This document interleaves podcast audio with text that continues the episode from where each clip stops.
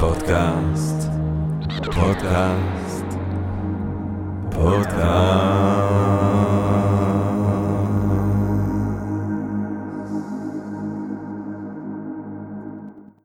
טוב, גבירותיי ורבותיי, ברוכות וברוכים הבאים לפודקאסט של Think and Drink Different, פודקאסט למי שאוהב לחשוב ולשתות. אני ג'רמי פוגל ואנחנו רוצות ורוצים להודות לסמסונג נקסט תל אביב, קרן ההשקעות בתוכנה בשלבים מוקדמים שמאפשרת לנו להקליט את הפודקאסט מהמשחק שלה בשרונה כחלק מתוכנית התמיכה בקהילת החדשנות והיזמות הישראלית. אה, והיום בערב, אה, בפודקאסט שלנו כאן ב-Think and Drink, אנחנו רוצים לדבר על פוליאמורה, ובאופן רחב יותר על חלופות אה, למונוגמיה. אני חשבתי לקראת הפגישה על הסימפוזיון של אפלטון. Mm-hmm.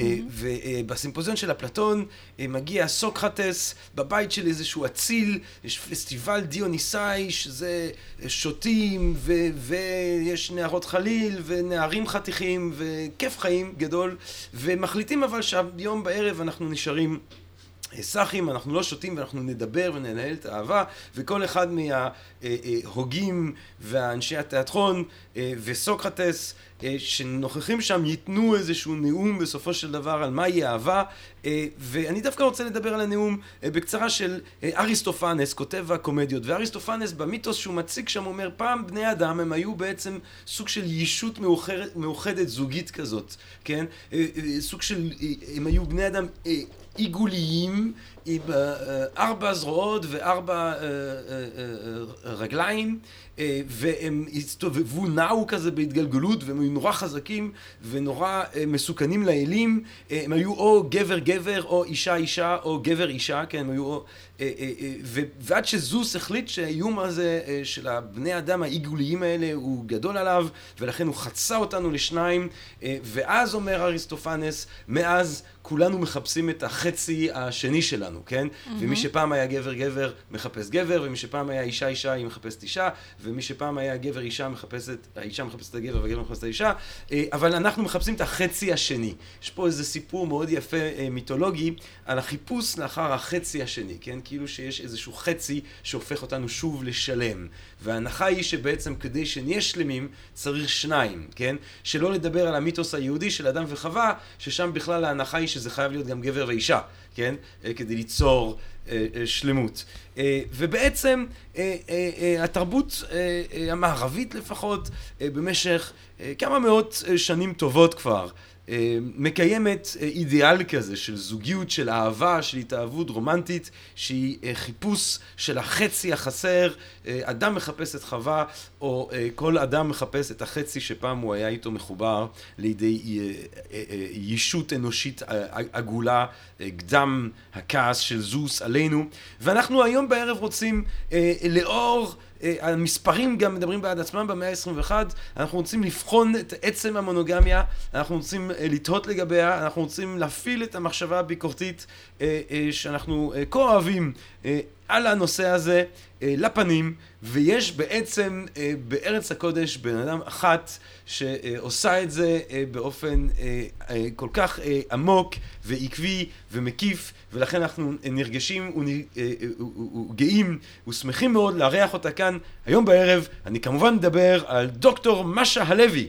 שהיא דוקטור לגיאוגרפיה, מרצה וחוקרת באקדמיה, וכיום בעיקר מנחה זוגית ואישית, מגשרת ומאמנת, ומקדמת את המודעות לחלופות למונוגמיה. היא אקטיביסטית אפשר לומר, מרצה, כותבת ומופיעה בכל סוגי המדיה, במטרה לחשוף את האנשים לאופציה של החלופה למונוגמיה. אז אי לכך ובהתאם לזאת, דוקטור משה הלוי, ערב טוב. ערב טוב. וכדי לתקוף בעצם את הבעיה שלנו ישירות בווריד הצוואר, אולי קודם כל תגדירי לנו מה זה בכלל פולי-אמורה. אבל אתה יודע, אני אגדיר לך, אבל אני חשבתי שאולי לפני זה אני אתייחס למיתוסים שדיברת עליהם, זה בסדר? בבקשה, ברור. כי המיתוסים האלה קצת מתנגשים עם המציאות, גם היהודית וגם של יוון העתיקה. אוקיי? זאת אומרת, כשיש לנו את המיתוס של אדם וחווה מצד אחד, שפה לא נשכח גם שהיה שם נחש באמצע, אבל בואו נניח לדבר הזה. בפועל, יהדות הייתה פוליגמית, והדבר הזה מופיע בתנ"ך. כן, הדמות הכי מוכרת היא כמובן שלמה המלך, שהיו לו אלף נשים, אבל גם לדוד היו שמונה עשרה, ולאברהם היו כמה, וכדומה. אולי אפילו היה לו מאהב. אולי. כן. זה לא נאמר במפורש, אבל לצורך העניין, מה שכתוב. אני כן. חושב שכן. אולי. כן. דקה דומייה לזכר יהונתן, ונמשיך הלאה. וביוון העתיקה, אמ, כשאתה מסתכל על דמוספנוס, שהיה גם אה, נואם וגם אה, כן. מדינאי מפורסם, mm. אז אה, הוא אומר את המשפט המופלא הבא, כן? יש לנו אה, קורטיזנות, שזה זונות, כן? Mm. להנאה האישית שלנו, יש לנו את הפילגשים לצרכינו היומיומיים, ואת הנשים החוקיות שיולידו לנו ילדים חוקיים ויטפלו במשק הבית. Mm. כלומר, אנחנו, איזה מונוגמיה אנחנו מדברים כאן? Mm. אנחנו מדברים על זה שהתרבות היהודית הייתה למעשה פוליגמית, ותרבות יוונית הייתה מונוגמית רק מצד האישה. Mm. שזה גם בעצם מה שהיה גם בתרבות הפוליגמית. לא עשינו הבדל גדול, רק במקום לרכז אלף נשים לגבר אחד ולהשאיר הרבה מאוד גברים בלי אף אישה, עכשיו אנחנו uh, חילקנו את הנשים בצורה שווה, והשארנו עדיין לגברים את האופציה לעוד נשים, לעבדים, mm. לנערים, לכל הדברים הנחמדים שהיו. מיד מכניסה כאן כמובן את האי-שוויון המגדרי בחלוקת ה... אה, או הזדמנות, הזדמנויות הזיווג, או הזדמנויות האהבה, או הזדמנויות ההתאהבות. אני אומרת שיש הבדל בכלל mm. בין המיתוסים של, אה, אה, של אדם וחווה ושל אריסטופנס במשתה של אפלטון, כן. ובין המציאות מציאות, נכון מאוד. במקומות האלה. אבל עדיין זה משקף אולי אידיאל כזה של כן. ההתאהבות האולטימטיבית. אנחנו בינתיים מברכים גם את תובל רוזנבסר של Think and Drink Different שהגיע ומכבד אותנו בנוכחותו. מה קורה, תובל? בסדר גמור. אתה שב בשקט ותקשיב, אתה הולך ללמוד דבר אחד או שניים היום. לא, אתה לא חייב לשבת בשקט, לדבר, אבל כאילו... לא, anyway. הלו. כן. אז האידיאל, אז יש אידיאל... אה, אה, שהוא אף פעם בעצם לא ממומש, את אומרת. גם בתרבויות כן. שבעצם מצמיחות את המיתוסים האלה, האידיאל הזה לא, לא מתממש. יש דיאלקטיקה. כן. כן? ש, שבין איזושהי כמיהה לאיזשהו משהו, לבין ה, מה שקורה לנו בפועל. בפועל את אומרת, בעצם האידיאל הזה אף פעם לא באמת, באמת מתממש. לפרטים מסוימים כן. Mm. כן, כן, יש אנשים יש שחיים אנשים שחיים במונוגמיה, כן. ושחיים במונוגמיה אחת כל החיים שלהם, זה לא שזה לא קיים. אבל uh, אם אנחנו נגדיר מונוגמיה, ואפשר להגדיר מונוגמיה בכל מיני צורות, וגם זה מעניין, mm. כי אנחנו כבר זזנו היום מאיזושהי מונוליטיות שמחברת מונוגמיה מינית עם מונוגמיה חברתית, עם מונוגמיה רגשית, שהכל הכל צריך ללכת ביחד, ואפשר להתחיל לפרק את הדברים הללו. רציתי להגיד משהו בהקשר הזה, אבל אין לי מושג מה זה היה. Mm. על מה דיברנו לפני רגע? אנחנו מדברים על אה, סוגים שונים של מונוגמיה. כן, אבל למה הגעתי בכלל לסוגים השונים של מונוגמיה? אני חושב שזה הביסים שהוא נותן בוואפלה שלו. יובל נותן ביסים אה, נורא חזקים בוואפלה שלו, וזה קצת מוציא אותנו מריכוז. יש אבל... מצב. לא, אז אנחנו מדברים על סוגים שונים של, של מונוגמיה. אה, אז, אז אולי, ואולי אז בואי נחזור לשאלה הזאת, מה זה פוליאמורה? אוקיי. מה זה פוליאמורה? אז פוליאמוריה היא אחד מהסוגים mm. של יחסים לא מונוגמיים בהסכמה. אוקיי. כן? לעומת יחסים לא מונוגמיים לא בהסכמה, כמו למשל רומנים מחוץ לנישואין. כן. אוקיי? אז יש לנו סדרה שלמה ורצף שלם של מערכות יחסים לא מונוגמיות, שבני הזוג הסכימו עליהן. אוקיי. בידיעה, בהסכמה, בכנות, אבל הן נעות מ... משהו שמכונה מונוגמיש, mm. שזה... מונוגמיש. זה חמוד, נכון? זה בא כן. מאנגלית מונוגמיש, סוג של כן. מונוגמי, אבל זה... אבל זה יותר טוב בעברית. יותר טוב בעברית כן. לגמרי. שזה פעם ב... אם קורה לך משהו בחו"ל, או אם פעם ב... אנחנו מצרפים מישהי למיטה שלנו, אז הכל בסדר. מישהי. או מישהו. מישהו. או מי שהם, אתה יודע, יש פה כל מיני אפשרויות. או מי שהם. כן.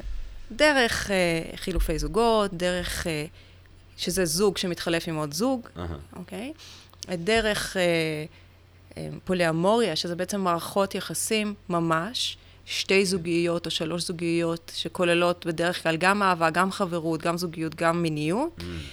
ודרך אה, אנרכיה של מערכות יחסים, שבכלל אה, מסרבים להכיר בזה שהרומנטיקה מקבלת איזושהי קדימות ואיזושהי היר... אה, עומדת בראש ההיררכיה, mm. ואומרים למה לא הורות משותפת, למה לא חברות אפלטונית, ואומרים בעצם החיים מאוד מאוד גמישים, ומערכות יחסים שלנו יכולות להשתנות, ועדיין לשרוד את השינוי הזה, והכול בסדר. מעניין. עכשיו, מעניין גם אה, אה, כאן, אה, אה, דוקטור משה לוי, שאת מתארת את עצמך בעצם כסוג של אקטיביסטית. Mm-hmm. זאת אומרת, את לא רק יוצאת כאן ורוצה לתאר מגוון של אפשרויות רומנטיות, מיניות, קיומיות, אה, שיש אה, לאנשים, את גם רואה בזה סוג של calling, כן? את רואה בזה סוג של... שליחות. מת... שליחות, כן, את רואה בזה סוג של שליחות לחשוף את האנשים. למה? את חושבת שבעצם המונוגמיה מדכאת משהו באדם? את חושבת שהמונוגמיה היא מוסד מדכא? את חושבת שהיא לא מתאימה. לרוח הזמן? למה בעצם אה, אה, חשוב לך אה, אה, אה, אה, לקדם.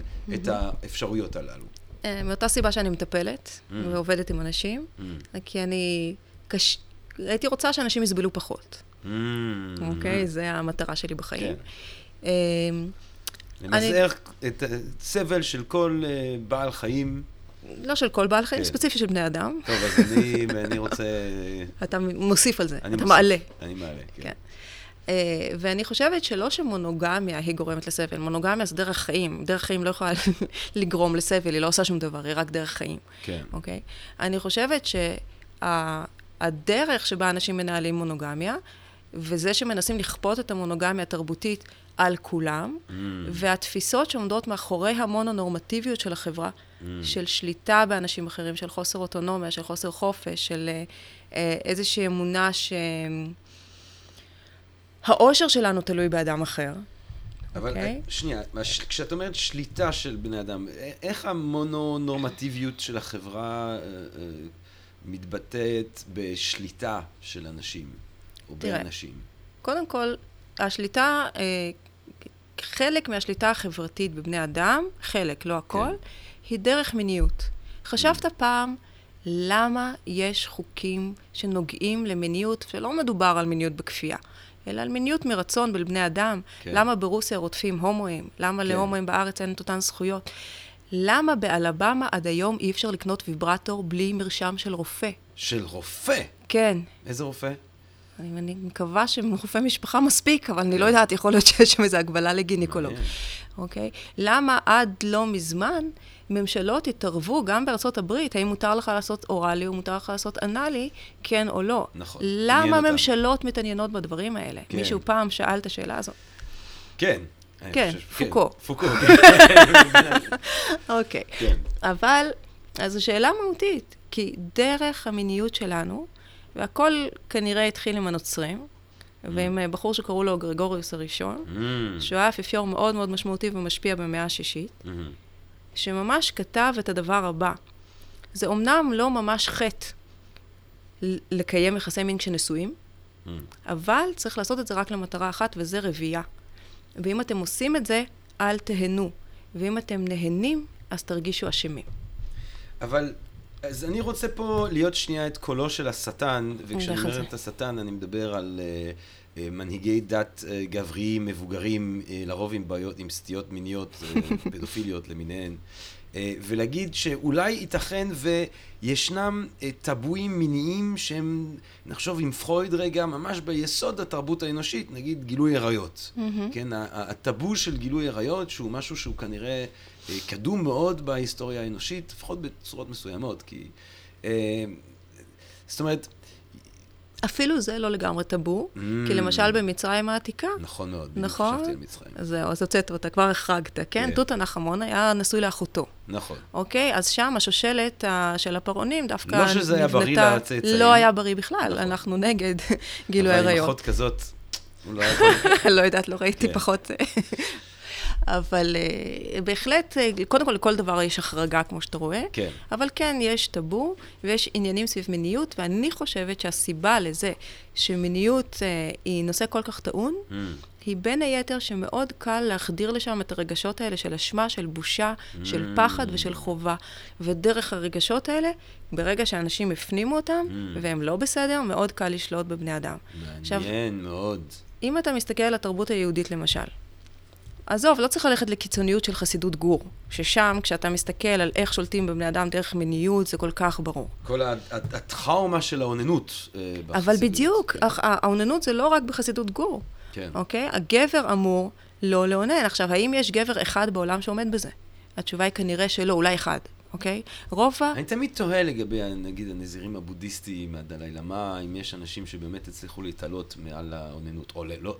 אה, זה שאני אומר להתעלות מעל זה כבר אה, שיפוטי. נכון. אבל שהצליחו באמת להימנע מאי פעם לאונן. שאלה. שאלה שאין כן. לי תשובה אליה. כן. אני כן יכולה להגיד שרוב מוחלט של הגברים לא יעמדו בדבר הזה. נכון. מה שהופך אותם אוטומטית ללא בסדר ולאשמים.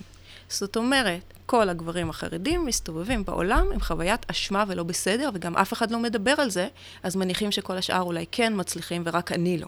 כן. ודרך הרגשות האלה הרבה יותר פשוט לשלוט באנשים. אז אני חושבת שהדבר הזה נעשה ממש במכוון. ולמה את חושבת שאשמה נדבקת באופן אה, כל כך טבעי, אני אומר בצורה אירונית, אבל באופן כל כך, אה, אה, באופן כל כך אה, אה, חזק אה, למיניות? זה ספקולציה לגמרי, כן. אבל אני חושבת שמיניות זה משהו מאוד מאוד שלנו. Mm. אוקיי? מיניות זה משהו שקשור לרגשות שלי, לגוף שלי, למחשבות שלי, mm-hmm. זה מאוד מאוד שלי. וכיוון שכולנו גם ככה מסתובבים בעולם, או לא כולנו, רובנו, עם איזושהי חוויית לא בסדר, ולא מספיק טוב, כן. אינהרנטית, כן. אוקיי? אז כשלוקחים, נכנסים למקום הזה, שהוא מאוד מאוד שלנו, זה כנראה פועל הרבה יותר חזק. לניטשה הייתה, הייתה השערה שאני תמיד מאוד אוהב אותה על, על אשמה.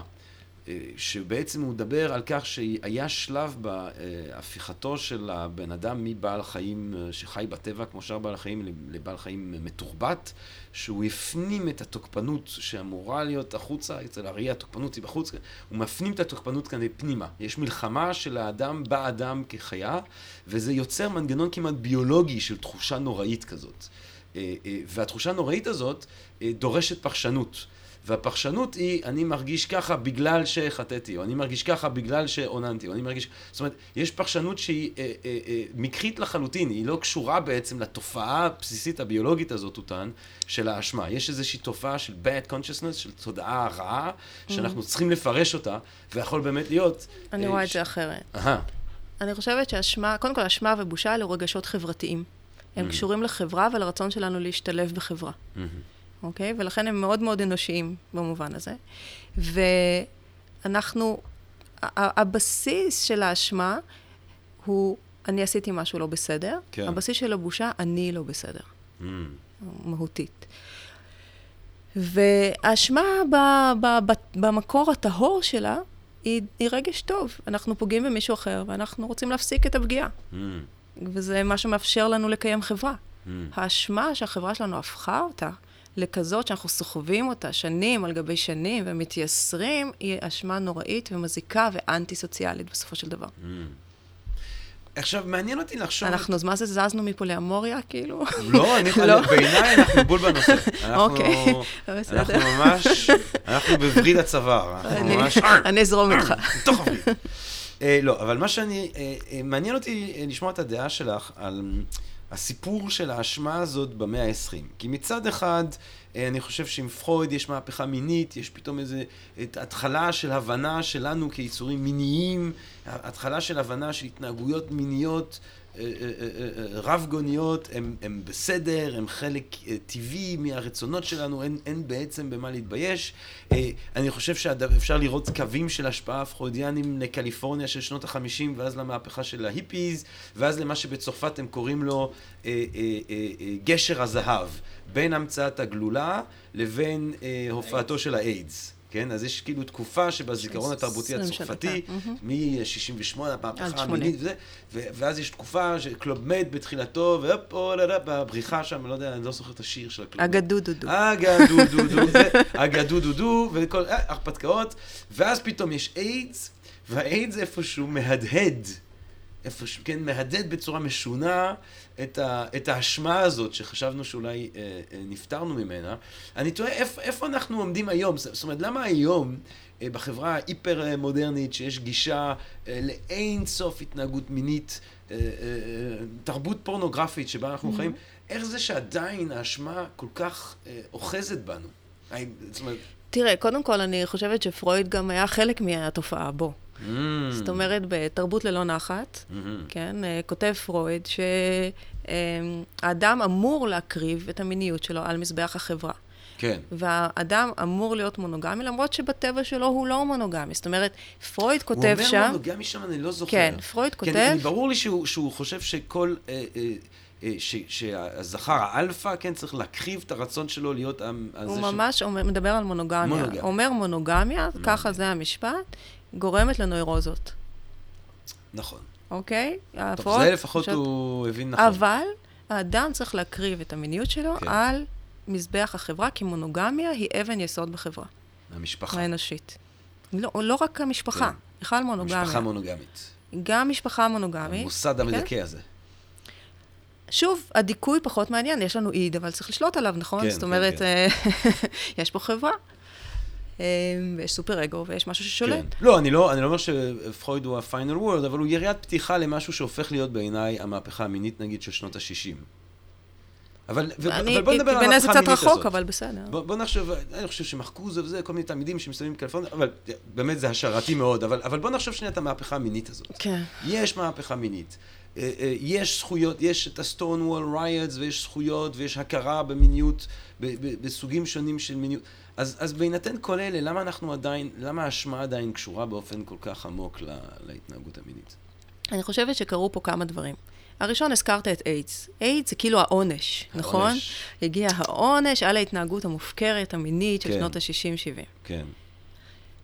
שנית, אני חושבת, כשאני מנסה לנתח את זה, שוב, זה רק מחשבות, זה לא mm-hmm. איזה משהו... אה, אני חושבת שהלכו מקיצוניות לקיצוניות. אוקיי? Mm. Okay? הלכו ממקום שמקדש את הביטחון והסטביליות והיציבות אחרי מלחמת העולם השנייה. נכון, צריך uh, עכשיו uh, לבנות את המשפחה ו- ולהתרבות, וסוף סוף יציבות, כן. וסוף סוף שקט, וסוף סוף כלכלה מתאוששת, כן. ו- ומה שבעצם הפך אחר כך ל-traditional marriage, לכאורה. זה בעצם מש- תוצר של שנות ה-50, של אחרי המלחמה. מעניין. שנות ה-60 זה ריאקציה לדבר הזה. כן. הריאקציה הזאת הלכה לכיוון של חופש, וזנחה לחלוטין את הביטחון ואת היציבות. זה הכל היה סקס, סמים, רוקנרול, גילוי עצמי, ו... ו... ושני, שתי הקיצוניות האלה לקחו מאנשים משהו מאוד מאוד מהותי. היציבות והביטחון לקחו לאנשים את החופש ואת המיניות, והמיניות והחופש לקחו לאנשים את הביטחון והיציבות. כן. ומה שאנחנו מחפשים היום, זה איך לחבר את שני המקומות הללו, מעניין. כדי לקבל את הגם וגם. איך לקבל את הגם וגם? דוקטור משה הלוי. פוליאמוריה, סתם, זה לא חייב להיות פוליאמוריה. אוקיי? okay? אבל אני חושבת שזה משהו ש... שהוא מהותי שאנשים יבינו. כי החוויה היא שיש כל הזמן מאבק, ויש במובן מסוים. המאבק בין חברה לבין אינדיבידואל, בין uh, השתייכות לבין הגשמה עצמית, אוקיי? Okay? ובין ביטחון לבין חופש. וכשאנחנו בוחרים רק צד אחד, אנחנו מתים רק כל פעם בצורה אחרת. אוי, אוי, אוי, אוי, אוי, אוי, אוי, אוי, קשה. כן. בלי ביטחון... שיפוטי. תיאור. תיאור. בלי ביטחון, אנשים קורסים, אי אפשר לחיות בלי ביטחון, בלי חוויה של ביטחון. נכון. אוקיי? Okay? גם בלי שייכות, בלי אהבה, בלי זה, אנחנו לא באמת באמת חיים שם. כן. בלי חופש זה יותר טריקי. Mm. כי אנשים כל כך כל כך זקוקים לביטחון שהם מוכנים לוותר על החופש, לפחות לתקופה מסוימת. מתישהו הדבר הזה גובה את המחיר שלו. מתי שאנשים מתחילים להיחנק לאט-לאט, קמלים, קמלים, קמלים. זה כמו הבדיחה של לארי דיוויד. אה, איזה גבר פחות חופשי, הגבר הנשוי בארצות הברית או הגבר הרווק בסין? הוא אומר, אני הולך על הגבר הרווק בסין. אמנם הוא לא יכול לטוס לחו"ל, אבל הוא יכול לצאת מהבית, אוקיי. היית שמעתי בדיחות יותר מוצלחות מזה. למה? כשלארי דיוויד מספר זה יותר מצחיק. כן, זה הביצוע, זה הביצוע. כן. לא להאשים את לארי. כן. אז אני חושבת ששתי הקיצוניות האלה הן לא טובות והן לא נכונות לנו. ואנחנו צריכים למצוא את הגם וגם. ואנשים שבוחרים במונוגמיה, צריכים לבחור בה ממקום מודע. כן. וממקום חופשי. כן. של זה מה שאני רוצה, זה מה שנכון לי. כן. ולא כי אסור לי. אוקיי? זה שני מקומות שונים לחלוטין, ואני חושבת שאנשים לא עד הסוף מבינים את ההבדל. אני מדברת על זה המון בפייסבוק, ואני כל הזמן מקבלת תגובות, אבל יש לו אוטונומיה, הוא יכול להיפרד ממני. נכון. אוקיי? יש לו חופש. להתאבד, הוא יכול להתאבד, מה מפריע לו? שיקפוץ מהחלון, אנחנו גרים בקומה השמינית. ואני חושבת שהחברה שלנו, אה, כל כך רגילה להתנהל מתוך ייסורים אה. סביב המקום הזה, שההבנה שבואו נהפוך את זה. כן. בואו נגיד הכל מותר. ועכשיו אם אתם רוצים לסגת מהמותר הזה, אתם רוצים לבקש את זה. אבל מה עם. האיידס? לא סתם, אני... האיידס היום כן. מחלה לא, לא, שמגיע כבר גמור. למקום של undetectable, לוקחים שתי. גלילות, לא שאני בעד הדבר הזה, זה אפילו דבר אבל טוב זה כבר. יש הומואים שאשכרה, עוש- כאילו, מנסים לחלות באיידס כדי, מתוך מחשבה של אחר כך, אחרי התרופות, הם יהפכו ל-undetectable, שזה אומר שהם לא יכולים להדביק יותר, אוקיי? ואז אפשר לשכב בלי קונדום, מה שלא נכון, כי יש עוד מחלות מין, רק וואלה. אומרת.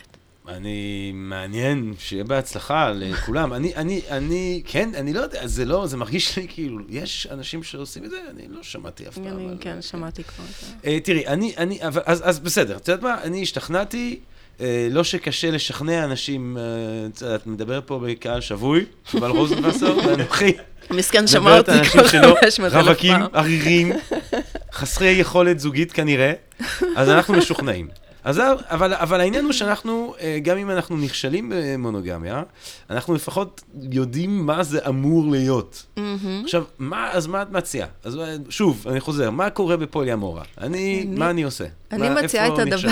כן. אני מציעה את הדבר הרדיקלי הבא. Mm, אתה קובע יחד עם בת או בנות הזוג שלך, או בני הזוג שלך, אהה, מה זה הדבר שנכון לכם, אוקיי. אוקיי? ואז uh, אנחנו לא מסתמכים עכשיו על איזשהו כוח חיצוני וצו חיצוני שאומר רק ככה, כן, שהרק ככה זה ממילא לא עובד לכל כך הרבה אנשים, כן. אלא פתאום אנחנו יכולים להתחיל לשאול שאלות על הדברים הכי בסיסיים בעולם, וזה אגב נכון גם במונוגמיה. כן. האם הוא חייב לבוא איתך כל יום שישי להורים שלך? חס וחס. סימן למה? שאלה. כן. האם אתם חייבים לישון עם אותה שמיכה? תנסו שתיים, זה מה זה עוזר הדבר הזה? האם אתם חייבים לישון באותה מיטה או באותו חדר? האם כשהוא נוסע ללימודים את חייבת לעזוב את העבודה שלך ולנסוע איתו? כן או לא. אתם חייבים לעשות ילדים או לא חייבים לעשות ילדים? אתם Mm, חייבים לגור ילדים. ביחד או לא חייבים לגור ביחד? כל כך הרבה שאלות שיכולות להכניס גם כל כך הרבה חופש וגמישות גם לתוך מונוגמיה.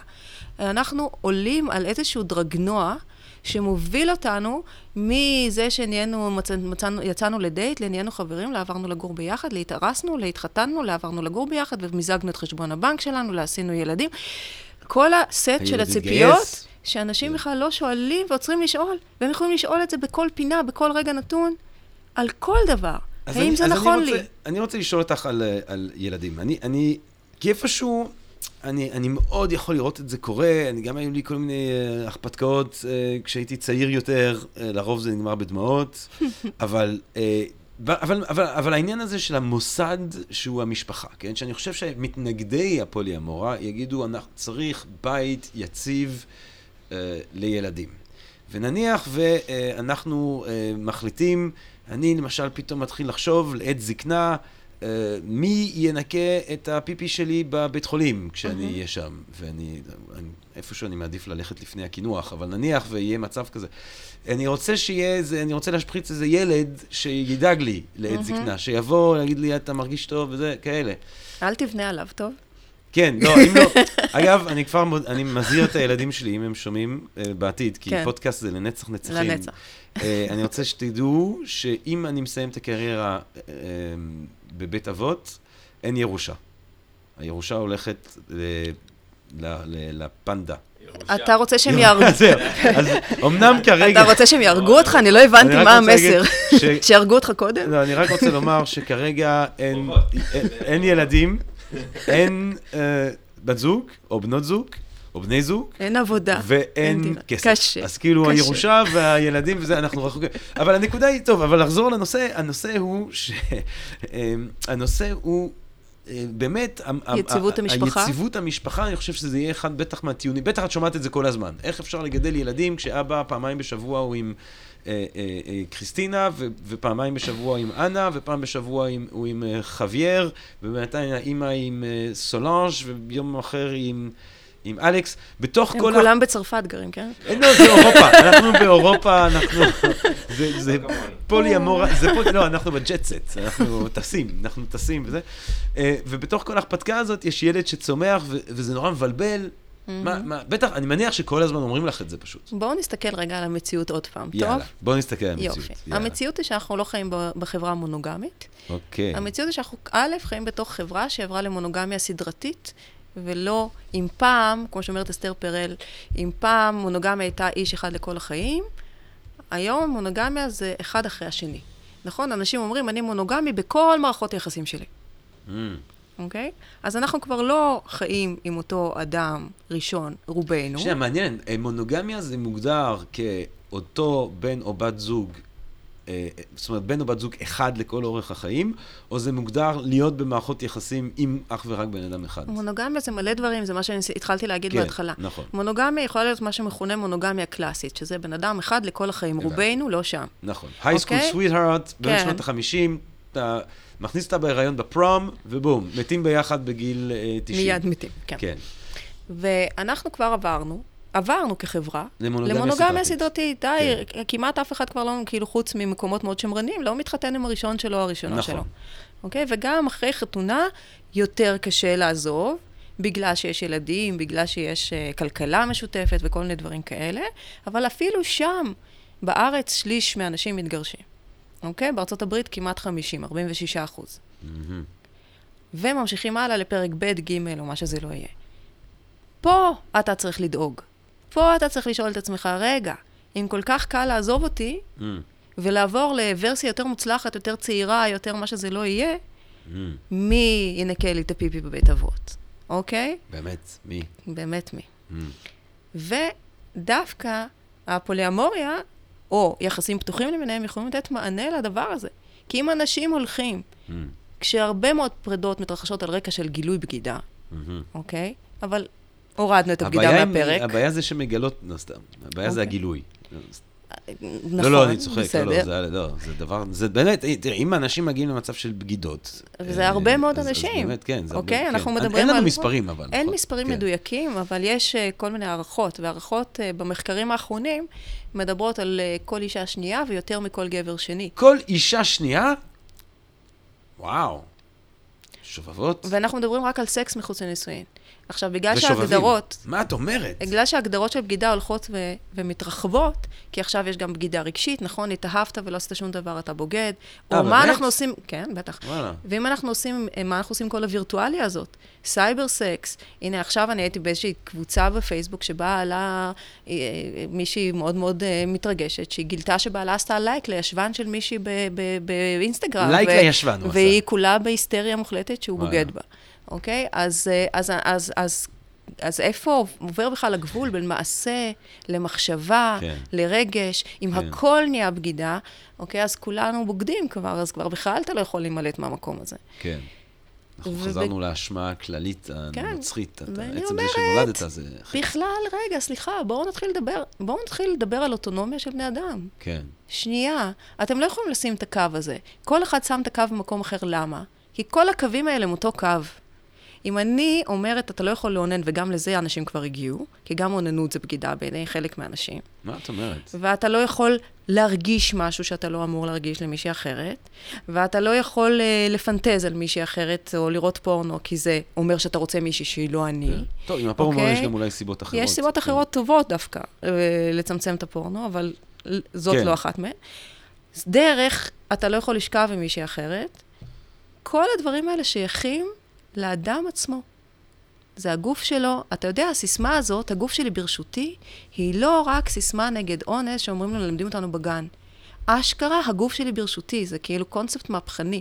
גם לעונג, לא רק ל- לשמור עליי, הגוף שלי ברשותי. מעניין. הרגשות שלי בוודאי ברשותי. המחשבות שלי, סיריוסלי, מי, מתי, איפה, חוץ כן, מ-1984 לא. הצליח. אז, אז, אז אנחנו לקחנו את כל הדבר הזה, את האוטונומיה האנושית, ואנחנו מנסים לשים שם באמצע איזשהו קו ולהגיד, את זה אסור לך לעשות, את זה אסור לך להרגיש. לא. אני אומרת, בואו שנייה, קודם כל, האוטונומיה של הבן אדם הזה היא שלו, הגוף שלו, הרגשות שלו, המחשבות שלו. נתחיל מזה. אתה רוצה להגביל אותו? זה לא entitlement, זה לא מגיע לך. אין לך את הזכות לזה, אתה יכול אבל לבקש. לרוב יש לומר שחוזה, אה, חוזה זה הגבלה של זכויות הדדיות במידה מסוימת. זאת אומרת, אני מבקש ממך, כן, הובס, התחלת חוזים, כן, אני, אני, חוק טבע השני של הובס, אני חושב, אני, אני יכול לדרוש ממך להגביל את זכויותייך על גופך, במידה שאת הדדי. יכולה לדרוש ממני אה, להגביל בדיוק את זכויות. אז אני אומרת, אנחנו לא יכולים לדרוש, אנחנו יכולים מקסימום לבקש. כאילו, אנחנו מסכימים, יש פה הסכמה. Okay. אוקיי. זאת אומרת, אנחנו מתחתנים, אבל... אני מסכים אה, להגביל את עצמי, ובמידה, ואני דורש ממך, נניח שזו חתונה שוויונית, mm-hmm. שנינו מגבילים את עצמנו באותה מידה מבחינה גופנית, ואולי גם מבחינה נפשית, בצורות מסוימות, כדי שנוכל לקיים באמת איזושהי יציבות שתחמוק מאיתנו אם אנחנו לא אה, נהיה מוכנים אה, לעשות את הקורבן הזה. והנה היציבות שלנו. שליש מתגרשים, כן. חצי בארצות הברית, כן, כן, אה, כן, יותר כן, מחצי כן. בוגדים, מצוין, יציבות מהממת, מה אני אגיד לך, עובד.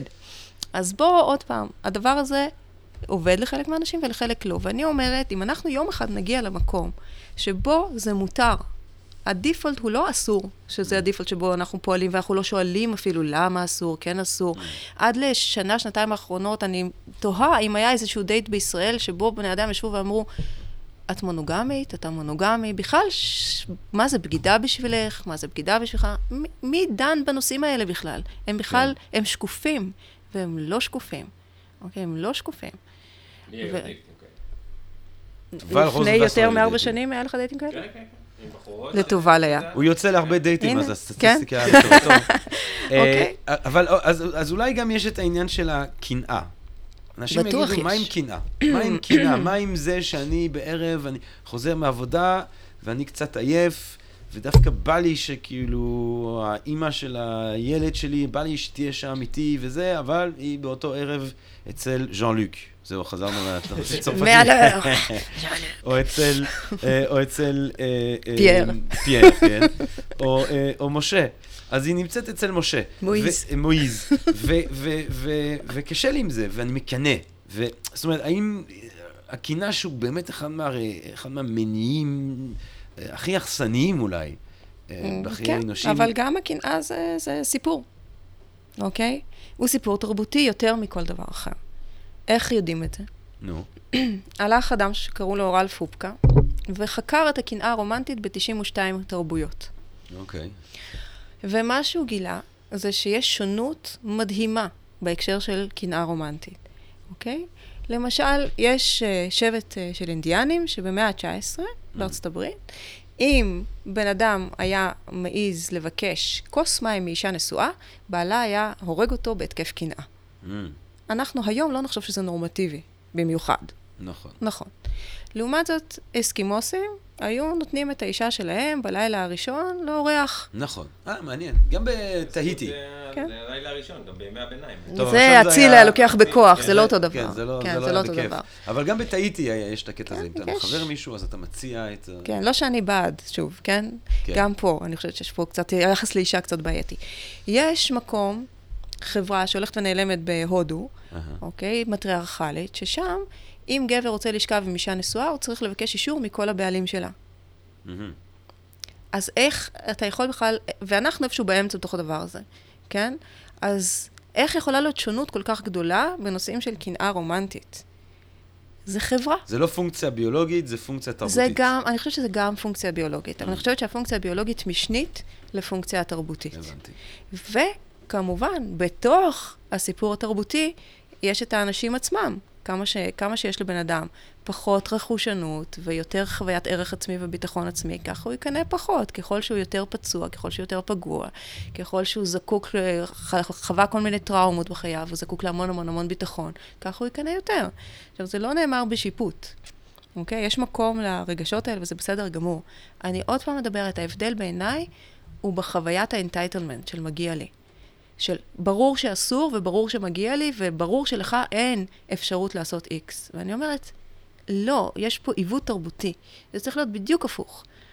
הכל מותר, הכל בסדר, ואם יש לי קושי עם זה, אני באה ואני מבקשת ממך להגביל את עצמך, ואתה צריך לבדוק אם זה בסדר מבחינתך, ואתה יכול לעמוד בזה, ואם כן, אז אתה תעשה את זה בשבילי, אבל אני בהכרת תודה לך על הדבר הלא ברור הזה, שאתה עכשיו הגבלת את האוטונומיה של עצמך בגלל הפחדים שלי. אוקיי? ואם יום אחד זה לא יעבוד לך, אני רוצה שתבוא אליי ותגיד לי, ונראה באיזה מקום אני נמצאת, ואולי אני כבר יכולה להכיל את זה ואולי לא. אבל שום דבר לא יהיה פה על אוטומט, וזה כל כך, כל כך שונה ממה שקורה בתוך התרבות שלנו כיום. מה הקשר, אם בכלל, בין האפשרות של אה, פוליאמורה לבין גיל? זאת אומרת, אה, אמרתי מקודם שבשנות ה-20 וזה, אז אנחנו אומרים, אה, ממש לעת זקנה יותר. 60, 70, את חושבת, ש... זאת אומרת, אולי אני אשאל את זה ככה, כשהמיניות הופכת להיות, וגם אנשים, אנחנו יודעים היום שאנשים יכולים להיות מיניים עד לגילים מופלגים, כן. אבל יכול להיות שהמיניות הופכת להיות מרכיב פחות מרכזי אולי בכלכלה הרגשית של בן אדם. אה, אה, אה, אתה יודע מה הולך בבתי אבות? מה את אומרת עכשיו? חבל לך על הזמן, אתה לא תרצה רק שינקבו לך שם את הפיפי. מה את אומרת? יש למה לצפות. אהה, מצוין. מה זה, לפני כמה שנים היה בוויינט סיפור שתפסו בבית אבות אורגיה. מה את אומרת? והם שלחו מכתבים הביתה, והטוקבקים היו קוראים על למי שלחו את המכתבים, להורים, לפה, לשם, כי זה אנשים בני 90 כן. פלוס. שהם לא מרשים מין קבוצתי בתוך uh, בית אבות, אבל בחייאת, תנו לאנשים ליהנות. תנו לאנשים ליהנות, תנו לאנשים ברור, ליהנות. ברור. אבל, אבל זה לא הופך להיות יותר מורכב, את חושבת, עם הגיל? אנחנו צעירים, אנחנו דינמיים וזה, אבל אתה יודע, באיזשהו שלב אתה רוצה לשבת, לראות טלוויזיה עם בת זוג, ולא שישגעו לך את המוח עכשיו. אה, אנחנו דינמיים, כן. זה כל העניין. כן. אנחנו דינמיים, ולכן משהו שמתאים לי היום, יכול להיות שלא יתאים לי מחר, ויכול להיות שיתאים לי עוד פעם מחרתיים, ולכן, ככל שאנחנו נצליח להיות יותר גמישים בתוך מערכות היחסים שלנו, ולהכיל את ההשתנות שלנו ואת מה שעובר עלינו, ככה סיכוי של מערכות היחסים האלה לשרוד יותר גבוה, אפרופו יציבות משפחתית. וככל שאני אצליח למלא יותר צרכים מהותיים שלי, בין אם זה בתוך מערכת יחסים, או שמערכת היחסים הזאת מאפשרת לי לעשות outsourcing לחלק מהצרכים האלה החוצה, ככה יהיה לי פחות incentive ללכת, פחות סיבה ללכת. עכשיו, כשאני אה, במצוקה היום, יש שני בני זוג שיכולים לטפל בי, וזה לא נופל על אחד. Mm. אוקיי? אז בואו גם נראה את האפשרות זה, הזאת. אני תיאורטית או את, את? אה, לא, אני לא רוצה לשאול שאלות. לא, כאילו לא הייתי, לא חליתי בסרטן חלילה או משהו כזה, בסדר? אבל אני אתן לך דוגמה ממש מיום-יום כזאת, קטנה כן. וטיפשית. אוקיי? בעלי טס לחו"ל, uh-huh. נשארתי לבד עם הילדים, יום שישי אחר הצהריים, כמובן... אנחנו לא בהיפותטי, את לא, לא, באמיתי, כן. אוקיי, okay. אז uh, יום שישי אחר הצהריים, כמובן, כל הדברים שמתקלקלים, מתקלקלים. אז נכון. העוף בתנור, התנור הלך, נכון. אוקיי? אין, אין ארוחת ערב. נכון. אז אני יושבת שם, ואז אני מתקשרת לחבר שלי, והחבר שלי בא, תיקן את התנור, והלך. אוקיי? אז זה, זה דבר קטן, אבל אני כן מכירה אנשים שגם מתמודדים עם מחלות לא פשוטות, שיש להם שם תמיכה של יותר מבן זוג אבל, אחד, אבל, וזה אבל מדהים. בסדר, אבל זה גם יכול, החבר הזה יכול להיות גם ידיד או ידידה שבא ומתקן את התנור. נכון, אבל כשאנשים שאני מכירה שמתמודדים באמת עם מחלות מורכבות, כן. שם זה כבר אחרת, כי זה בן זוג והוא יותר מחויב, אוקיי? ויש שם יותר בני אדם שמתחלקים במסע שהוא לא פשוט. אז אני, אני רוצה לשאול, אז תראי, קודם כל אני רוצה... שזאת אפשרות, כמובן שיכול להיות עוד דברים יכולים להיות. כי מבחינתי אפשר, אני מאוד נהנה מהשיחה, אפשר להמשיך לדבר רעיונית, תיאורטית וזה, אבל אם פתחת את העניין האישי, זה בסדר שאני... כן, אם מקסימום אני לא אענה. בסדר. לא, רק, אז את בעצם חיה ב... אה,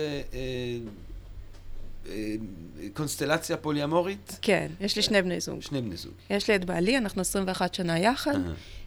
יש לנו ילדים, שלושה ילדים ביחד, בית, שלושה חתולים, כל מיני דברים כאלה. כן. למרות שהבית רובו של הבנק עדיין, אבל בסדר. אגב, קנינו את הבית לפני שנתיים בלבד, וזה הבית הראשון שלנו, אני לא איתו בשביל הכסף. מזל טוב. כן, כי זה כאילו טוקבקים שחוזרים, וזה כל פעם מעצבן אותי מחדש, כי, כי אין שחר לדברים האלה. אמ, ויש את החבר שלי שאנחנו יחד שש שנים. וכל הסיפור הזה פתוח לעוד אנשים, במקרה שנרצה מיניות עם מישהו אחר, או עוד זוגיות אם למישהו יש זמן לדבר הזה, במקרה שלי אין לי. אמ, ו, אבל יש את האפשרות. לבעלך לא או לחבר יש עוד מערכות יחסים. כן, גם. לחבר שלי נשוי, ובעלי יש חברה כבר שלוש וחצי שנים, וגם נפגשנו, אני והיא, uh-huh. לא מזמן, ואני פגשתי את אשתו של החבר שלי כמה פעמים. זאת אומרת, יש פה איזה sisterhood כן, תוך הדבר. זה שבט. זה לא שבט, uh-huh. אוקיי? אבל זה, יש היכרות, ו- ו- ו- וכולנו, לשמחתי, מחבבים אחד את השני. ומבחינת ה- ה- הילדים בתוך הסיסטרהוד, זה עדיין בתוך הזוגות הנשואים. כן, אומרת, במקרה שלנו. כן. יש פוליאמורים שחיים ביחד ומגדלים ביחד ילדים גם. גם זה קיים, פוליאמוריה קבוצתית. עכשיו זה בעצם מחזיר אותנו לשאלה שלנו מקודם, איך, אה, אה, אה, מה, מה אנחנו יודעים על הילדים שגודלים בתוך קונסטלציות כאלה, משפחות אז כאלה? אז יש מישהי שקוראים לה אליזבת שף, שעשתה את הדוקטורט שלה על ילדים של משפחות פוליאמוריות, היא חקרה את הנושא 20 שנה, זאת אומרת, היא בדקה את זה לאורך לאורך זמן. זמן, כן. והתוצאות שלה הן שבסך הכל אין פה יותר פתולוגיות, יותר בעיות אופייניות לילדים אה, פוליאמוריים. היא אומרת דווקא הרבה מאוד פעמים זה ילדים שגדלים בתוך משפחות סקס פוזיטיב, מאוד מתקשרות. יש גם יותר מבוגרים שיכולים לחלק את הזמן הזה ש- יותר כלכלית, ומבחינת אה, אנשים שדואגים לילדים יש יותר אנשים. יש לזה גם את המינוסים. אוקיי, המינוסים, אחד הגדול ביותר אולי זה החברה. שלא מקבלת את זה, ואז אם ילדים צריכים להסתיר את זה, זה יכול לפגוע בהם. אה, מינוס אחר זה שיכולות להיות, ככל שיש יותר אנשים, יכולות להיות גם יותר פרידות, אוקיי? ואז אם הילד נקשר מאוד למישהו והוא עוזב, הוא יכול לחוות נטישה, ואם זה להורה ביולוגי שלו, אז יכול להיות שהוא גם לא יוכל לראות אותו. אה, וכמובן, ככל שיש יותר אנשים, יש יותר חיכוכים על איך מגדלים ילדים, הצרכים של יותר אנשים. זאת אומרת, יש לזה את המורכבויות שלו, אבל אה, יש לזה גם יתרונות. ובסופו של דבר, הילדים האלה גדלים להיות בסדר גמור, לא פחות ולא יותר מילדים מונוגמיים, במשפחות מונוגמיות. Mm. אני רוצה לשאול אותך, דיברת על הקשיים של המונוגמיה, והאמת היא, הם קשיים שהם ברורים ומובהקים אה, לכל. כאילו, רוב האנשים אה, שהם בעצמם בזוגיות חווים קשיים אה, קשורים למבנה המונוגמי, אה, אנשים שגדלו בתוך משפחות, שזה הרוב, כן, בתרבות המונו-נורמטיבית שלנו, מודעים למתחים ובעיות שהמבנה הזה יכול להביא. תגידי, את שחווה עולם שונה ברובד הזה, אולי תחשפי לנו מה, מה כן הם המקומות שבהם יש מורכבויות, דווקא לקונסטלציה הפולי-אמורית. מה, מה הם הבעיות שאנשים דווקא לא חושבים עליהן? תראה, הבעיה באמת העיקרית היא קנאה, Mm, אוקיי? ואנשים אה, צריכים אה, להתמודד שם, אני, אני קוראת לזה חדר 101. כאילו יש, אה, בס- בספרו של אורוול, 1984, יש אה, חדר 101, ולשם מביאים את האסיר ומאמתים אותו עם הפחדים הכי גדולים שלו. mm, וזה, אני קוראת לזה כזה, כי זה בעצם ברגע שמסירים את האשליה הבטיחותית שמקיפה אותנו במונוגמיה, שזה אשליה, זה לא באמת שומר על אף אחד. החל מזה שאנשים יכולים למות, ודרך אה, בגידות, ודרך גירושין, ודרך נטישה רגשית, גם כשאתה שם, יש הרבה דרכים לעזוב אנשים. אז אה, עוד פעם עף לי. נהיה פה ריח של פיפי של חתול משום מה. וזה- היה, תראי, וזה היה- פשוט היה חתול- לקח אותי, לקח אותי מה יש מה איזה שדיברתי חתול עליו. שרצה להיכנס כאן לנקסט אה, תל אביב, ואני יכול לא להיות יודע אם שלא הוא אמור נתת להיכנס. לו, והוא עכשיו החליט שהוא אה, הוא עושה לנו פה עניינים. אז, אז, אז הקנאה היא החדר המאה ואחד אז של המבנה הקנאה היא הפוליאמורי. באמת, כל, כשמסירים את האשליה הזאת, ומבינים שהכל יכול לקרות, זה נורא נורא מפחיד. כן. זה נורא מפחיד, וזה מעורר את כל השדים. כל כך הרבה אנשים גם ככה מסתובבים עם חרדת נטישה. כל כך הרבה אנשים מר- מרגישים גם ככה שהם לא מספיק, אז מה, יש פתאום תחרות מול מישהו? ותמיד יש תהיה. מישהי לא. יותר צעירה ויותר. יפה ויותר חכמה. אין תחרות. אם אני אכניס, טוב, תקשיב, יש טוב. ספר שקוראים לו How to make yourself miserable. כן. העצה הכי משמעותית בספר הזה זה תשווה את עצמך לאחרים, נכון. אוקיי? מה שרוסו כינה אה, אהבה אנוכית אה, ולא אהבה עצמית. יש אהבה עצמית, נכון. אה, amour de soi, שזה הדבר הטבעי, אתה אוהב את עצמך, זה אהבת חיים, זה דבר בריא, צריך לעודד אצל ילדים, ואז יש amour propre, אהבה אנוכית, שזה לאהוב אותך דרך המבט של האחרים. לאהוב אותך, וזה דבר אבל נורא, זה- ולכן צריך לגדל ילדים בבדידות, הוא אמר, כדי שהם לא יגדלו אל תוך האהבה האנוכית.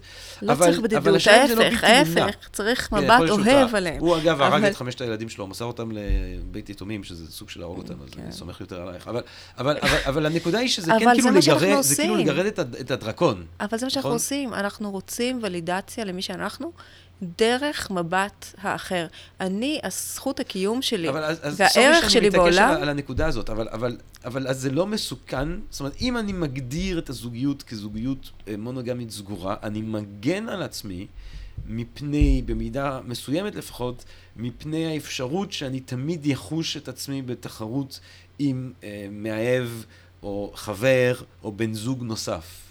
דרך אה, יותר מוצלחת להגן על עצמך זה לגדל חוט שדרה, עמוד שדרה, אוקיי? ומרכז פנימי וחוויית ערך זה עצמי. כבר מאוחר מדי. חוט, שדרה אצלי כבר לא יהיו, כבר לא יהיה. זהו. רבות וטובות ניסו. לעולם לא מאוחר מדי. אמן.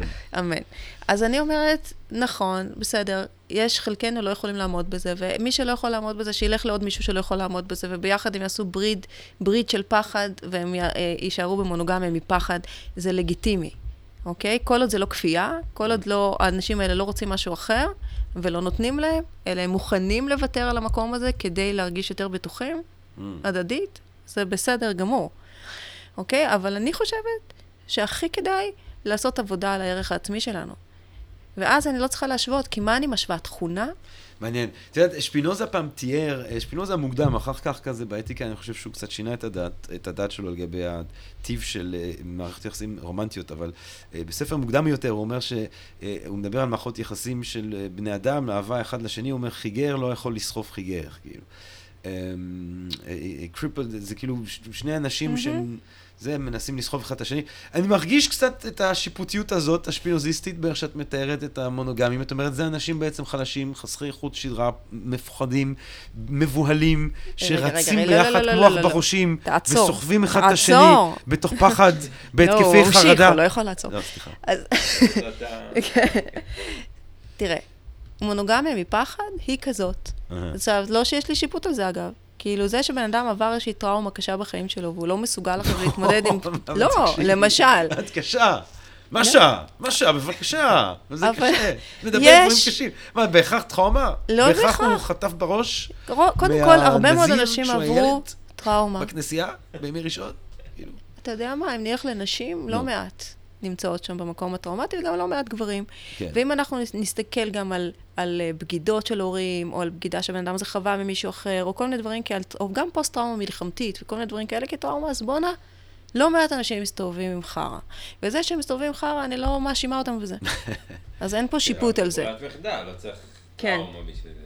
לא, אבל, אבל את יודעת מה, אבל... אני רוצה לאתגר אותך. רגע, רגע, לא, אבל אני כן חייבת להגיד שיש. דבר, כזה מונוגמיה חופשית מבחירה, אה, ואני מכירה זהו, אנשים כאלה. יאללה, נו. אז תני למה אנשים בריאים, שבעים, מרוצים, לא טראומטיים יתר על המידה או באופן כן. חריג, למה שהם יבחרו אה, מונוגמיה? אוקיי, אז קודם כל אני חושבת שיש רצף.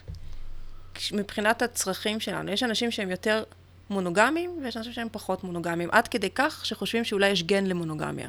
ויש אנשים שהם נושאים את הגן הזה, או איזה שהם רצפטורים של וזופרסין במוח, שאז הם יותר נקשרים. וזופריסין, הנה, יש לנו גיבור חדש. לא, מה- ליאת יקיר מצא על זה, על הגנים של המונוגמיה. אה, אשכרה? כן. רק שאני שכחתי את הגן של האהבה אצל... אה, אוקסיטוצין. אוקסיטוצין זה היקשרות ודופמין, יש לך כל מיני. אוקסיטוצין פלוס. לא גן, פרסין. זה הורמון. כן, כן, זה הורמונים. אני הולך אז, אה, הרצפטור- סם הזוגיות. אז, אז קודם כל, יכול להיות שיש אנשים שבטבע שלהם האישי, כמו. שיש הומו ויש סטרייט, וזה כן. טבע אישי שונה, כן. אוקיי? למרות שאגב, אז גם אם אנחנו נלך עם פוקו גם ומקינזי, שם- גם שם זה... גם. שם זה רצף, נכון. וכן, וקינסי, וזה- גם פה אני חושבת שזה רצף. כן. אוקיי? אז אני חושבת שיש אנשים שהם בקצוות יותר. ורוב האנשים הם ורוב באמצע. האנשים כן, באמצע. כן, כן. ולא רק שרוב האנשים באמצע, רוב האנשים האומללים נעים שם. כן? יש תקופות יותר מונוגמיות, יש תקופות פחות מונוגמיות. עם אדם אחד אני כן יכולה להיות מונוגמית, עם אדם אחר אני לא יכולה להיות מונוגמית. Mm, ברדק. בסדר? כן. אז צריך uh, הרבה קשב עצמי. אבל אם יש פה בן אדם שמתאים לי להיות מונוגמית איתו, לא צריכה מישהו אחר. למשל, תקופת התאהבות, הרבה פעמים היא כזאת, אנשים מאוד מאוד מפוקסים על מישהו אחד, 24-7, רק אותו יש להם בראש, לא רואים שום דבר ממטר. כן. אז תקופה מאוד מונוגמית, אז יכול להיות שזה יהיה תקופה, ויכול להיות שיהיה זוג שיצליח uh, להחזיק את הדבר הזה לאורך... יש אנשים שמחזיקים התאהבות, הם מעטים, אבל הם מחזיקים לאורך הרבה מאוד שנים. כן. אז, אז, אז, אז, אז הם לא צריכים מישהו אחר. ויש אנשים שאומרים, קשה לי לחלק קשב. כאילו, הייתי רוצה אולי מישהו אחר, אבל אני לא יכול להחזיק שתי מערכות יחסים, אני לא יכול להחזיק, זה לא עובד לי. ויש. אנשים, זמן זה סיפור אחר, אבל זמן מוצאים. ויש אנשים שהם אומרים, אה, אנרגיה. אני, אה, אה, זה מה שאני לא מבינה, אבל אני שומעת את זה. אוקיי? יש פה אנ, כאילו אנרגיה בין שני אנשים, ומגיע מישהו אחר, והאנרגיה שלו מתערבבת, וזה משהו שעושה לנו לא טוב Mm. אנרגטית. אני לא, לא מתחברת כל כך לאנרגיות, אז אני לא, לא מרגישה את זה, אז כן. אני לא יודעת להגיד, כאילו, אבל להיות, כן. טענה שאני שומעת אבל. אין, אין ספק שבן אדם שלישי משנה דינמיקה. דינמיקה זה משהו אחר, כן, כן.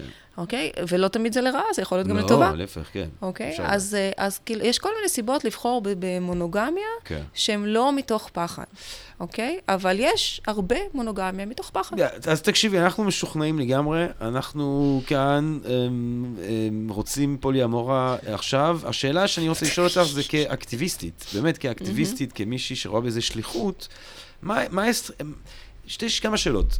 איך אסטרטגית, קודם כל, אה, טוב, זה אני מניח שזו שאלה קצת מטומטמת, כי אני מניח שזה פשוט מה שאת עושה, לחצות, לדבר, לחשוף, כתבתי ספר, לכ- לכתוב ספר, כן? לחיות אה, פתוח. לבוא לפודקאסט של Think and Drink Different, פודקאסט למי שאוהב לחשוב מהמם. ולשתות. ולשתות. אמ, אבל מה, איך, איך להבנות את זה בחברה? זאת אומרת, יש את כל ה... באמת את, ה, את, ה, את, ה, את הספרות, את, ה, את האמות מוסר האלה שמדברות על המונוגמיה, till death breaks us apart, וכל תעשיית הקולנוע וכל תעשיית הזה. ו... איך, איך אפשר אה, ליצור מקום יותר... אה, מוגן, הייתי אומר אפילו, ל, ל, ל, לאפשרות הפוליאמורית בחברה שלנו. מה, מה, מה אפשר לעשות? מה שאני עושה, כן. אוקיי? זה קודם כל, ככל שיותר אנשים יצאו מהארון, ואני לא דוחפת אף אחד לצאת משם, אבל ככל שיותר אנשים הם, ידברו על זה, יספרו על זה לחברים שלהם, להורים שלהם, אז הדבר, החברה מתרגלת, אוקיי? אנשים מתרגלים. שנית, ככל שמדברים על זה יותר, ומדברים על זה יותר, המדיה מאוד מאוד מתעניינת, והמדיה לא סתם מתעניינת, היא מתעניינת כי יש צורך ויש עניין של בני אדם, אז גם הממסד מתחיל להתעניין, אוקיי? ואז הממסד מתחיל לעשות מחקרים, ופתאום מגלים במחקרים האלה שוואלה, החיים של אנשים בפוליאמוריה או ביחסים פתוחים לא פחות טובים מאלה של במונוגמיה, ובמקרים מסוימים אפילו קצת יותר טובים. אוקיי? אז מתחיל להיות תוקף אקדמי mm. לדבר הזה. והפסיכולוגים מתחילים ללמוד את זה, ומטפלים מיניים מתחילים ללמוד את זה, ולאט לאט החברה משתנה כמו בכל דרך. כמו תמיד, החברה לא נשארת אותו דבר. אנחנו היום, פה בישראל, לא מה שהיינו לפני 50 שנה ו-100 שנה, ובטח לא לפני 2,000, ואני לא מדברת כבר על שונות גיאוגרפית. אז הדברים משתנים מכוח זה שמדברים עליהם, שמשנים פרדיגמות, שמאפשרים לאנשים לחשוב אחרת, ומתישהו החברה מתרגלת, כמו שיש gay pride, Mm. pride, כי היה צריך את הנראות הזאת, Mm. ולאט לאט החברה מתרגלת, עוד לא קיבלה את זה 100%, אבל כבר יש התקדמות. התקדמות, Mm. אז גם כאן זה יקרה כנראה ככה. אז אם כך, דוקטור אה, משה לוי, מהו, ה- מהו העתיד של הפוליאמורה, של המונוגמיה? תני לנו את התחזית שלך אה, לגבי התפתחויות של התרבות האנושית בנושאים האלה בשנים הקרובות. זה כל כך יומרני? שאין לי מה להגיד על זה, אבל זה כאילו, מי אני שאני אגיד לאן זה יתפתח? אז אתה יודע, תני לי את החלום, את- כמו שנות את שואפת? ה-60, אכלת, זה היה נראה שזה הולך לכיוון אחר, אחד, בום, בא איידס, גמר את הסיפור הזה, אז. כאילו, אה, מאיפה אני יודעת מה יקרה פה? אני לא יודעת, אני יכולה להגיד שיש מגמה, כרגע. כן. המגמה הזאת הולכת לכיוון של לקבל עוד אפשרויות חוץ ממונוגמיה. זה ממש אה, אה, מגמה דרמטית אפילו, כי אתה מסתכל על סקרים שעשו בארצות הברית, אז כמעט בין חמישית לרבע מהאנשים הצעירים עד גיל 29 כבר התנסו באיזושהי מערכת יחסים לא מונוגמית בהסכמה שדוברה, אוקיי? וכמעט 50 אחוז רוצים איזושהי מערכת שהיא לא מונוגמיה מוחלטת. זאת אומרת, יש פה שינוי, שמגיע אגב דווקא יותר מהצעירים, באופן אולי מפתיע. Uh, כי אולי כי הם כבר ראו, והם כבר דיזילוז'נט, והם כבר מבינים, הם כבר uh, רוצים את החיבור הזה, לא רוצים רק ביטחון, לא רוצים את מה שאנחנו ראינו, רוצים לחפש דרך אחרת. האם הדרך הזאת תעבוד? הדרך הזאת היא מאוד מאתגרת. היא בין היתר מאתגרת בגלל החברה, החברה תצטרך להשתנות פה, Mm. וגם מאתגרת אישית. כמה אנשים יכולים לחיות ככה בטוב? כמה אנשים יכולים כן, לחיות כי זה בטוב דברים מאוד במונוגמיה? בסיסיים בחברה, שמבוססים על אה, אה, אה, אה, מונונורמטיביות. אה, מ- מ- דיברת על המשכנתה שעשית עם אה, בן זוגך, כן. אה, משכנתה, שכר דירה, זאת אומרת, העלו- עלויות של דברים, ההתארגנות של דברים, הכל בעצם מבוסס, הכל מניח. אה, דברים- המשפט בנוי על מונוגמיה. המשפט. האפוטרופסות, אה, מה יקרה עם אה, אין סוף ירושה. דברים בנויים הכל. על מונוגמיה. זאת אומרת, זה נכון. משהו שמשנה לחלוטין את התשתית של החברה שלנו. בוודאי. אם פתאום כולם יתחילו להיות לא מונוגמיים, אהה. אז אני אומרת שאנחנו מסכנים את מדינות לאום. שאולי זה דבר טוב. אולי זה דבר טוב, אבל צריך משהו במקום. כן. כן, צריך למצוא איזה משהו במקום. כי תחשוב על מישהו שהוא עם, אה, לא יודעת מה, מישהי עם שלושה בני זוג, ולהם יש עוד כמה בני זוג, ולכולם יש ילדים, ומישהו רוצה הגירה, והם רוצים להגר. עכשיו, מה, חברות יש איזו ביטוח... רשת אנושית. מה חברות ביטוח בארצות הברית יעשו? פתאום. כן, וחברת ביטוח, הרי בארצות הברית כשאתה עובד, אז בן זוג שלך מקבל את הביטוח, נכון? כן. הרפואי. עכשיו יש כן. לך חמישה בני זוג, מה עושים עם הדבר הזה? או, לכי תסבירי את זה לדונלד אוקיי, טראמפ. כן. בדיוק. אז אנחנו פה, אז, אז, אבל אני לא חושבת שזה יקרה. אני לא חושבת כן. שכל החברה האנושית פתאום מחר תעבור זה ותתחיל להיות הדרגתי, לא זה מונוגמית. יותר מזה, רובנו עדיין מונוגמים חברתיים. אני מונוגמית חברתית. אני עדיין חיה במונוגמיה במובן שאני נשואה לאדם אחד, יש לי ילדים איתו, יש לי רכוש איתו, רק איתו. ויש כן. לי עוד בן זוג שהוא לא באותו משפטית, סיפור. כן, כן. אוקיי, אז משפטית אני עדיין במונוגמיה. אז uh, החברה פה לא, לא התפוררה מזה שיש לי פה עוד בן זוג. את לא מפוררת את החברה. כרגע לא. כרגע לא, אבל זה לא, לא אני אמרת את אחשוב על המילה זה. האחרונה. תגידי, אתה יודע מה, שאלה קצת לא קשורה אה, לסיום, ודווקא אולי זה לא פייר לסיים בשאלה קצת לא קשורה. אבל אמ, אני בדיוק אה, השבוע קראתי על זה שצעירים, אה, אפילו אתה אמרת לי את זה אתמול, Mm-hmm. צעירים עושים פחות מין. כן. למה? מה מה קורה? מה קורה, ילדים? מה העניינים? אני לא מכירה מספיק את הנושא הזה, אני חושבת שזה קשור... אה, אני חושבת שגם קשור מאוד לנושא של אינטרנט ושל תקשורת, שאנשים לא יודעים כבר איך לייצר תקשורת בין אישית שלא דרך וואטסאפ אה, בסדר, אבל ודרך יש פייס. טינדר. אה, לכאורה כן. טינדר זה אין סוף אפשרויות סקס. שתי סיבות שנותנות. פורנו, זה זה גם גם. הורות מגוננת וגם הרבה מאוד חלופות, כאילו חלופות לפנאי. חלופות גם- גם לפנאי. פורנו, אבל גם אה, נטפליקס ובינג' ודברים כאלה. תחשוב שבפורנו, כמה מאמץ אתה צריך? חמש דקות, גמרנו, יאללה, נ- פרקתי. עכשיו פה, בחורה, צריך להזמין אותה, צריך לחזר אחריה, צריך לשלם עליה, צריך זה, והכל בשביל...